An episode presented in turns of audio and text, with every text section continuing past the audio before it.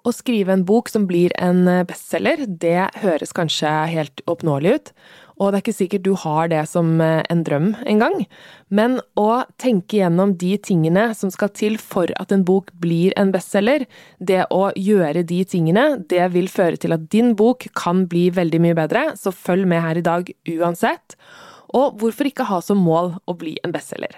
Det er veldig stas, og det er selvfølgelig veldig vanskelig, men det er noen som klarer det, og hvorfor kan ikke det være deg?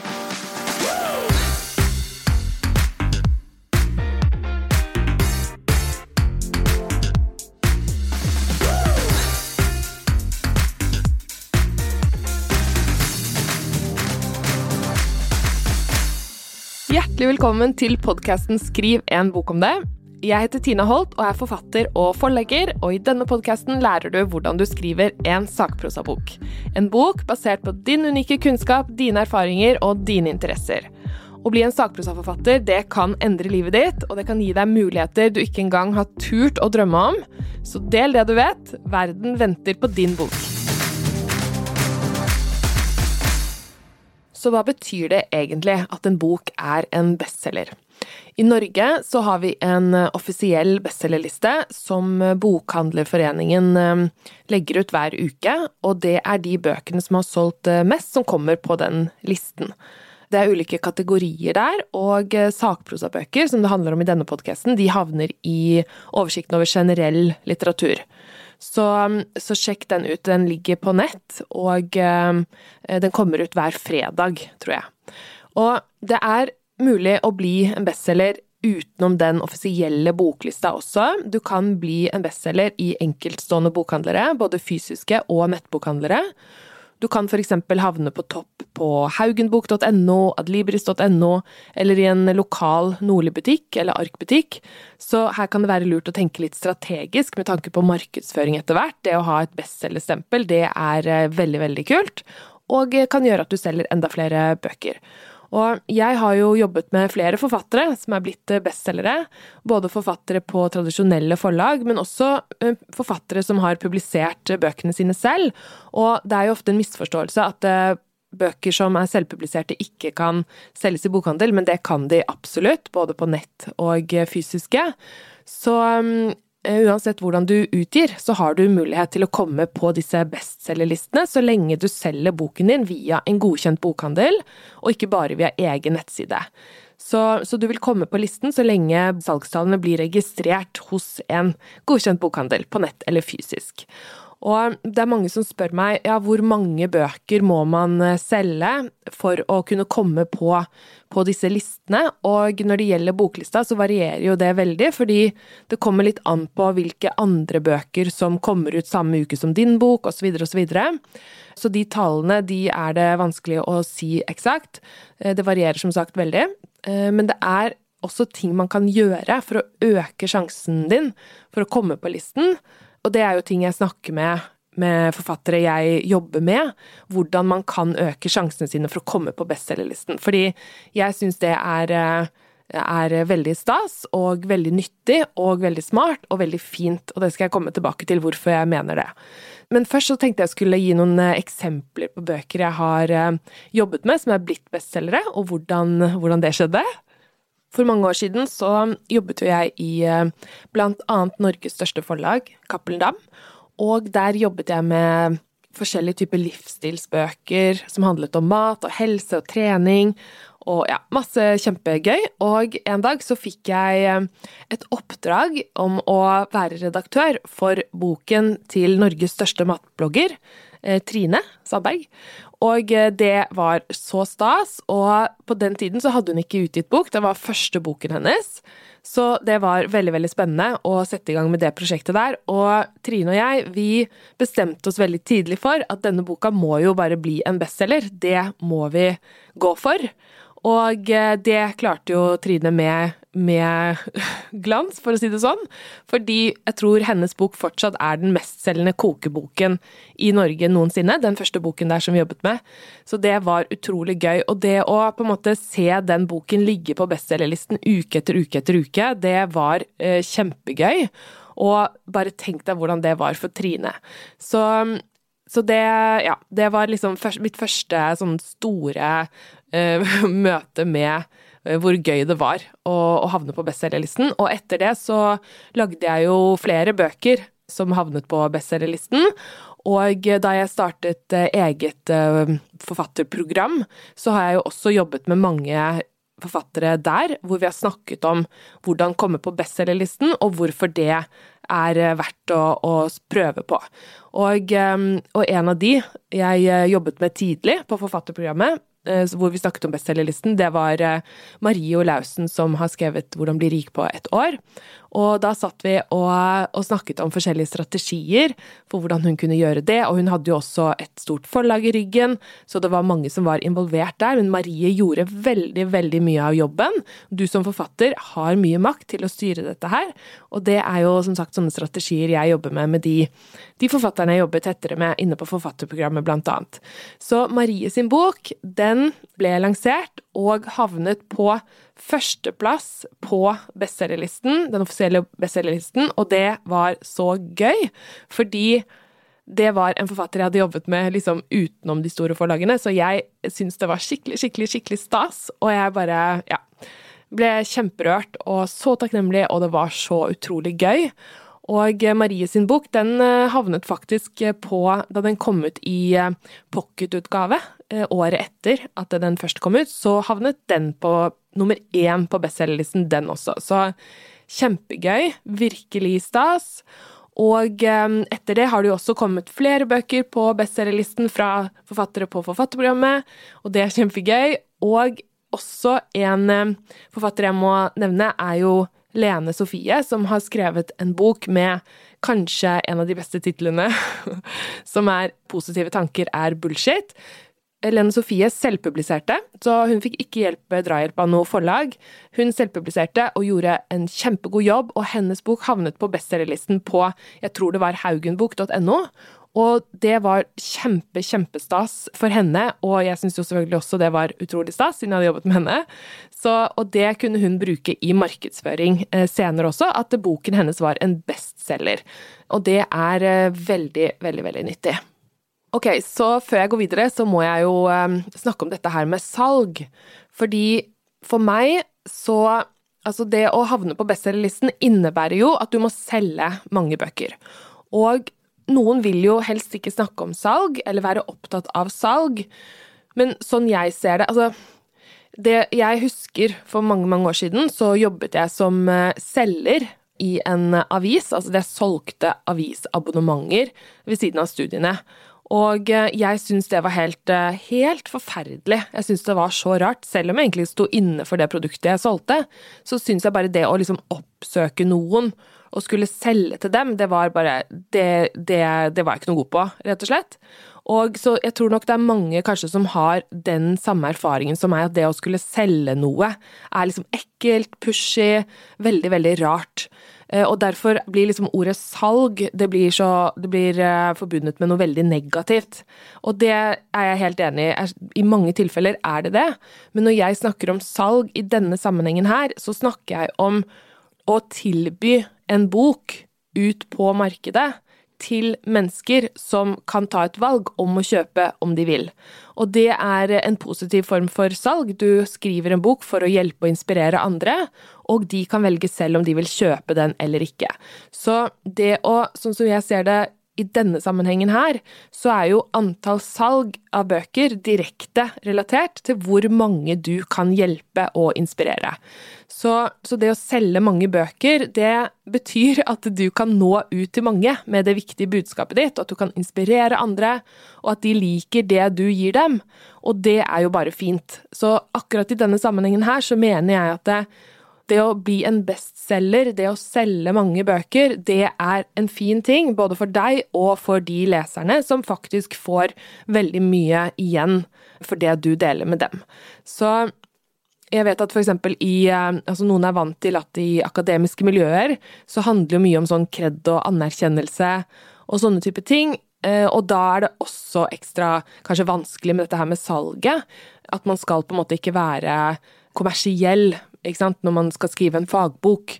Men jeg mener jo at Altså, jeg er litteraturviter, og der snakket vi mye om dette med børs og katedral. At dette med kultur, og hvor opptatt man var av kultur, og at det liksom var ekkelt å skulle tenke på dette her børsaspektet, at man faktisk skal tjene penger på kultur også. Og disse motsetningene her, at det, det, kan være vanskelig for mange. Så, og i akademiske miljøer er det dette her med at man, mange liksom tenker at det, det det er å være opptatt av av måte innholdet og kredibilitet, og at man skal få anerkjennelse og sånne type ting. Og det kan være kjempefint, det også, og nyttig i seg selv, men er det egentlig eh, nødvendigvis motsetning mellom kredibilitet og kommersialitet?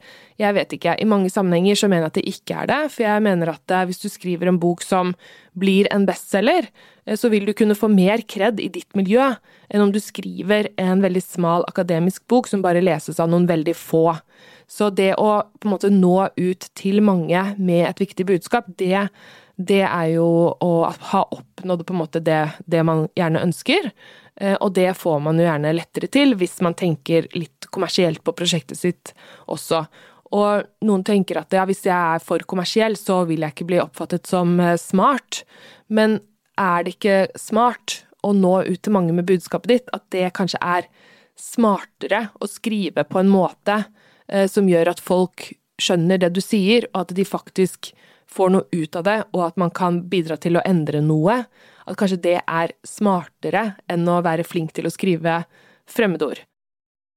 Jeg bare kaster det ut der. Det er hvert fall, jeg føler i hvert fall det om mange bokprosjekter, at det kan være lurt å tenke ok, jeg skal ikke skrive så faglig, jeg skal ikke skrive så smalt. Jeg skal ikke ha dette såkalte stammespråket som vi snakker litt om, som bare forstås av veldig få innen et gitt miljø. Hvis du skal nå ut til flere, så må du på en måte kanskje snakke litt mer muntlig, være litt mer kommersiell i måten du presenterer stoffet på.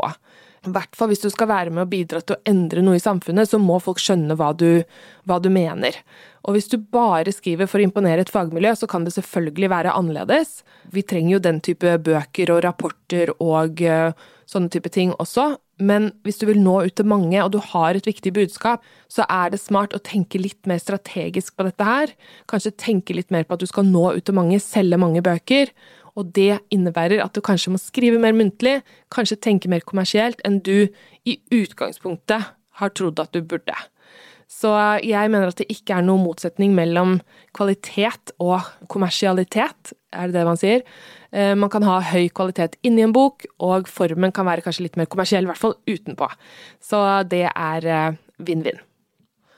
Ok, så her er noen eh, konkrete tips for hvordan du skal havne på bestselgerlisten med boken din. Og først så skal jeg snakke litt om innholdet, hva som bør være på plass når det gjelder innholdet i boken. Så boken må jo handle om noe som kan hjelpe andre med noe de vil oppnå. Når vi skriver sakprosabøker, er det ofte det. Leseren leter etter en løsning på et uh, problem, og vil gjerne lese om noe som handler om hvordan de kan få det bedre, bli bedre, få nye perspektiver, mer kunnskap, altså mer uh, innsikter fra noen som har eh, gjort ting før dem. De vil lære av andre. Det er ofte det vi tenker på når vi skriver sakprosa. Hva er det folk ønsker seg, hva er det de trenger, hva er det de vil ha, hvilke problemer har de, hvilke drømmer har de, og hvordan kan vi dele det vi kan, og det vi er interessert i, og våre erfaringer med andre, sånn at de kan få løst sine problemer eller oppnå sine drømmer. Så hvis du skriver en bok som faktisk endrer livet til folk, så har du en suksess. Da vil de anbefale den videre. Ikke sant? Så innholdet i boken din, selve temaet du skriver om, det bør føre til at leseren oppnår noe nytt i livet sitt. At de får bedre livskvalitet, at de får økt kunnskap om noe de trenger, at de får noen innsikter som gjør at de får det bedre. Ikke sant? Et eller annet som gjør at det, liksom, de endrer seg, det er eh, kjempeviktig. Og det å få da at de anbefaler boken din videre, det kan eh, øke sjansen for å bli en bestselger. Det er den beste markedsføringen, at noen anbefaler noe. Så, og En annen ting du også kan tenke på når det gjelder innhold, det er jo at eh, hvis du skriver en bok på en måte basert på et engasjement du har, og at du gir gode tips, så vil folk kanskje støtte saken din. De vil engasjere seg fordi du er engasjert, og de vil da bidra til å dele Eh, poster, dele innhold, dele om boken din. Så det vil også kunne bidra veldig. Så når det gjelder, eh, når det gjelder innhold, så det første du skal tenke på da, det er liksom verdi.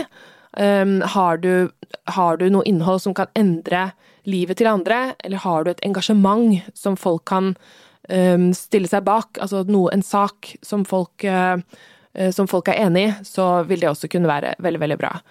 Så nummer to, verdi, det var nummer én. Prøver å bli god på dette her med disse punktene, så nå skal jeg gi tall på punktene fremover. Så én var verdi. To er om det er interessant for andre. Altså, er det interesse for temaet ditt der ute, og er, skriver du på en måte som gjør at det, det, blir interessant for andre? Det er litt viktig. Så det er jo ikke sånn at man må på en måte Når jeg sier om det er interessant Eh, for andre, om det er interesse for temaet, så betyr ikke det at det, det, må være mange, mange, mange mange som Eller at du må ha et bredt tema som kan nå ut til veldig, veldig mange. Men at det er en interesse, og det kan være en smal nisje. Det kan være noen få som er interessert i noe spesielt, som vil ha boken din. Ikke sant? For hvis du er interessert i noe, så er det garantert noen andre som er det. Så i noen tilfeller kan det være fint å ha et smalt tema med en veldig dedikert målgruppe som vil kjøpe bøker om det temaet. Det kan være veldig, veldig fint da er det en interesse der ute. Og når det gjelder om temaet er interessant for andre, så gjelder dette spesielt når det gjelder selvutviklingsbøker. Hvis de bare handler om måte, dine personlige problemer og tøffe tider og sånne ting, så, så vil det på en måte være vanskelig for leseren å, å kanskje hente ut noe som er relevant for dem. Um, så derfor må du hjelpe leseren til å på en måte gi dem Altså du må reflektere over ting som har skjedd deg. Du må uh, presentere dette her på en måte som gjør at det blir interessant for andre. Så du må levere livsvisdom, innsikter, gjennom dine fortellinger og historier. Sånn at eh, du skriver om noe du føler for å dele, men på en måte som vil være til nytte nytte for andre. Så, og det gjør du ved hjelp av refleksjoner, blant annet, og at du, at du, forteller hva de kan hente ut av dine erfaringer, hva du har lært helt konkret. Sånn at det, det ikke bare blir en fortelling i dagbokform, men at det er noen refleksjoner, noen innsikter. Det er kjempeviktig. Så, så nummer to er altså interesse. At det, at det er interesse der ute hos noen mennesker for temaet ditt. Kjempeviktig. Og at du også gjør innholdet ditt interessant for andre. Og så nummer tre er det viktig å tenke på at temaet ditt skal være aktuelt. Eh, det kan være ikke, dette gjelder jo ikke alle bøker, ikke for noen temaer så, som, de er uh, evig aktuelle. Men hvis du har noe du er opptatt av, noe du har masse kunnskap om, noe du har lyst til å si noe om, noe du skal dele, noe, du, noe vi er opptatt av i samfunnet akkurat nå, noe som er aktuelt, så kan du få ut den boken, prøve å få den ut så raskt som mulig, sånn at du på en måte kan ri på den bølgen av interesse. Da vil du kunne selge flere bøker når du skriver om det vi er opptatt av akkurat nå. Og nummer fire, gjør noe nytt, eller presenter et nytt perspektiv. Og da mener jeg at det, du kan selvfølgelig skrive en bok om et tema som det er blitt skrevet om mange, mange ganger før. Eh, bare tenk på hvor mange kokebøker som fins, eller bøker om andre verdenskrig. Altså, det fins så mange bøker om samme tema, men du må presentere innholdet på en ny måte. At du har en, en, unik vinkling på det, eller at du har en annen type skrivestemme, eller noe. Så um, et eksempel jeg har brukt før når det gjelder skrivestemme eller gjøre ting på en ny måte, er jo eh, for eksempel eh, en, um, en dame jeg begynte å følge for mange, mange år siden. Hun eh, skrev litt sånn helsebøker, livsstilsbøker. Hun heter Chris Carr, og hun um, fikk kreft og skulle skrive en bok om det, om kreft. Og det er det jo blitt skrevet om mange, mange ganger før. Men hun valgte å kalle boken sin Crazy Sexy Cancer Tips. Eh, og det var jo en måte å på en måte si ting på, på en helt ny måte. Hun tenkte nytt rundt hvordan hun presenterte temaet sitt, altså kreft. Og det at det, det var så uvanlig måte hun snakket om dette på, så endte hun faktisk på Opera og eh, snakket om boken sin der. At det, så, det var så oppsiktsvekkende måten hun skrev om det på. At det var så nytt at eh, det ble en bestselger, rett og slett. Og hun kom på Opera.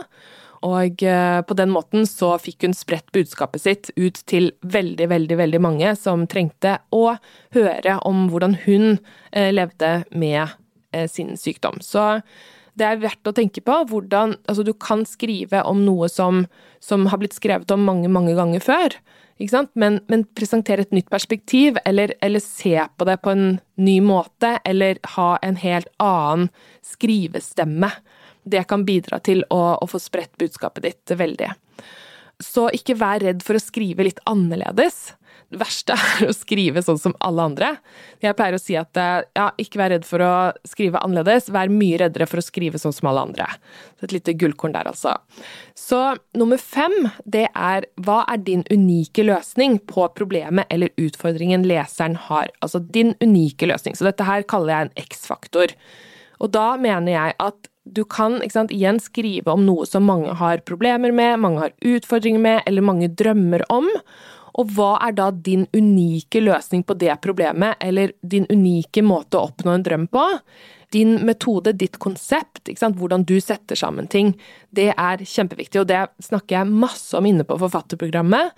At du skal lage dine egne modeller, du skal ha egne begreper, et eget konsept, din egen metode. Du skal sette sammen ting på din måte. Dette gjelder selvfølgelig ikke f.eks. memoarer og sånne ting, men hvis du skriver innen selvutvikling eller livsstil, sånne type bøker, så er dette kjempenyttig. At du kan gjerne tegne opp dine egne modeller på ting. Ikke sant? Sånn at eh, leseren tenker at ok, jeg har et eh, problem, men denne boken her, dette her er jo en ny løsning. Dette her er det som skal til for at jeg endelig nå kommer til å få løst problemet mitt. Og det er jo, sant, Et eksempel på det er jo diettbøker. At en eller annen trenddiett blir en bestselger fordi folk har lyst til å gå ned i vekt, og så tenker de at ja, det er dette som er løsningen. Det er denne måten å gjøre det på kommer til å funke for meg, og da vil de kjøpe den boken.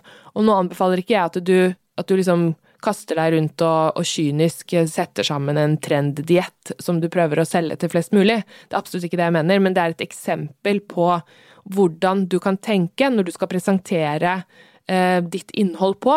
Hvordan kan du gjøre det på en måte som er helt unikt for deg?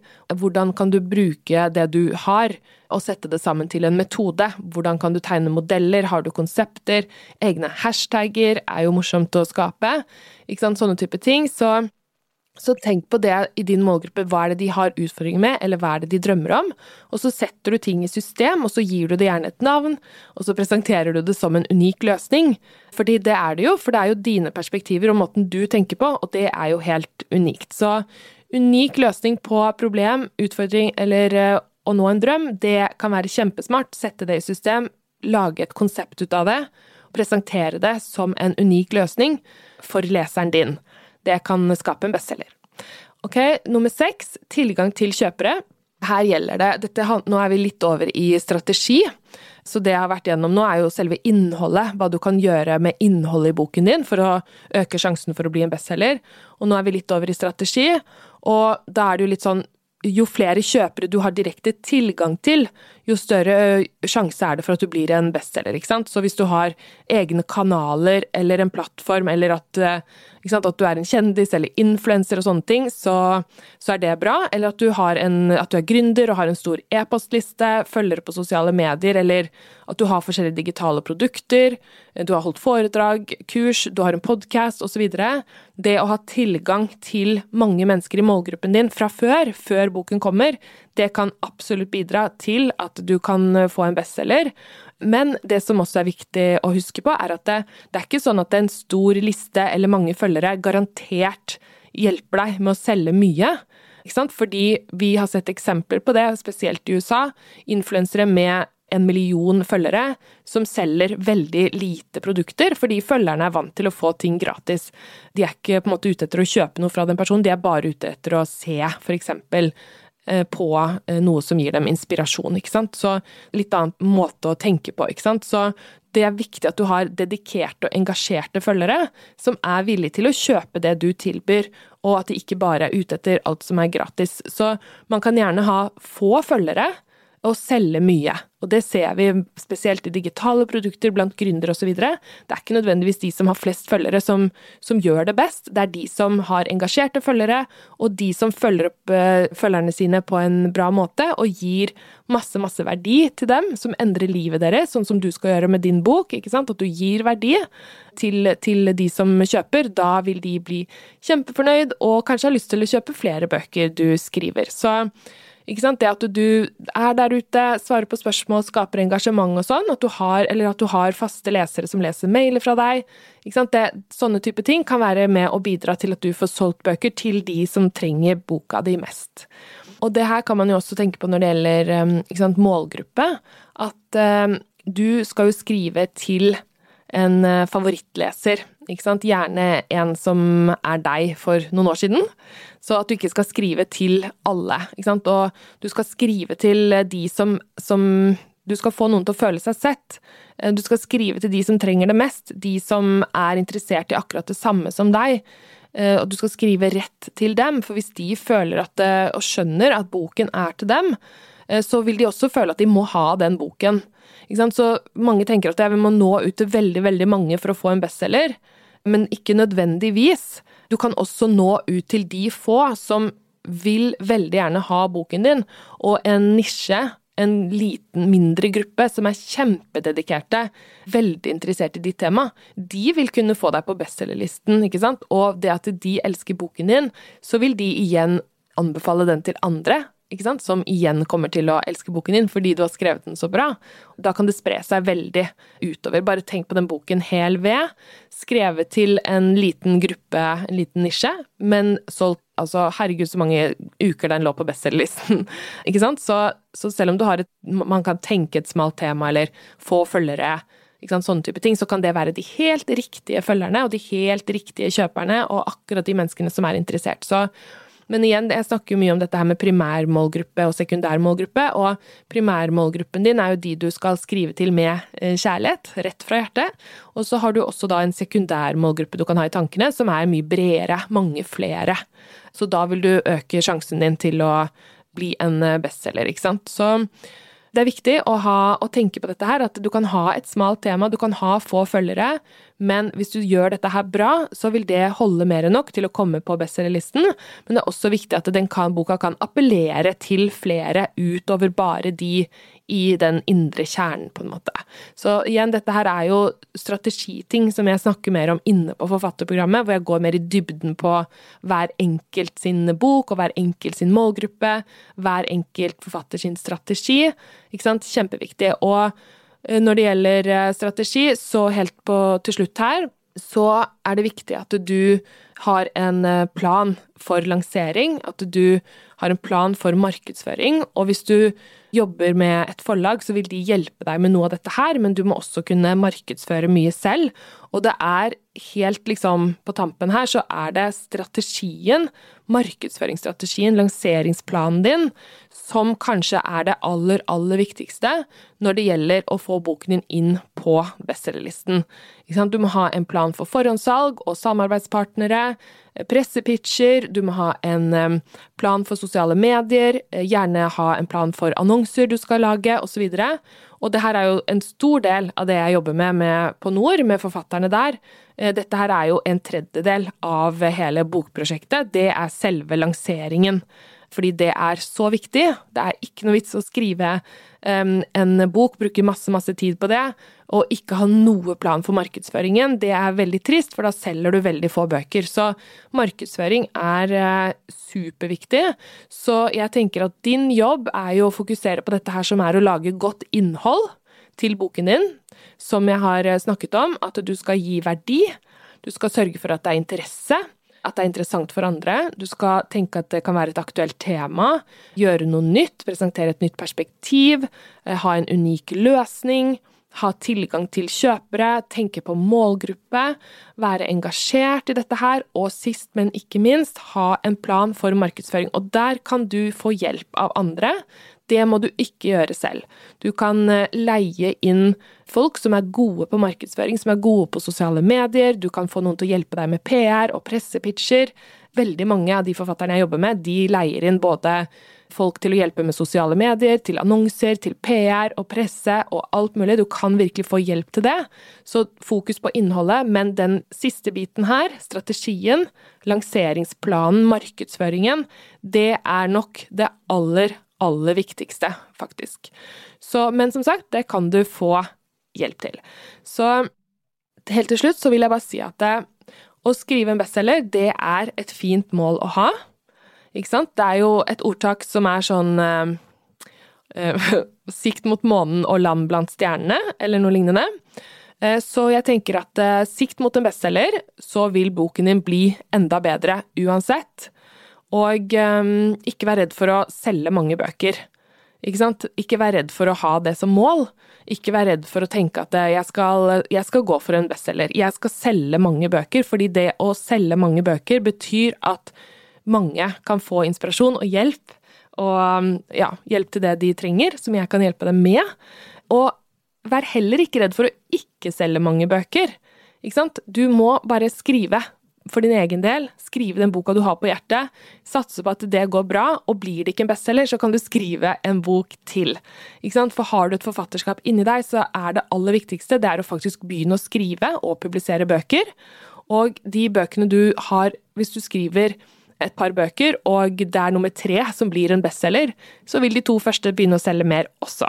Så det er bare å sette i gang og skrive og ha som mål å bli en bestselger. Jeg syns det er et fint mål å ha, som sagt. Det betyr at du kan nå ut til mange.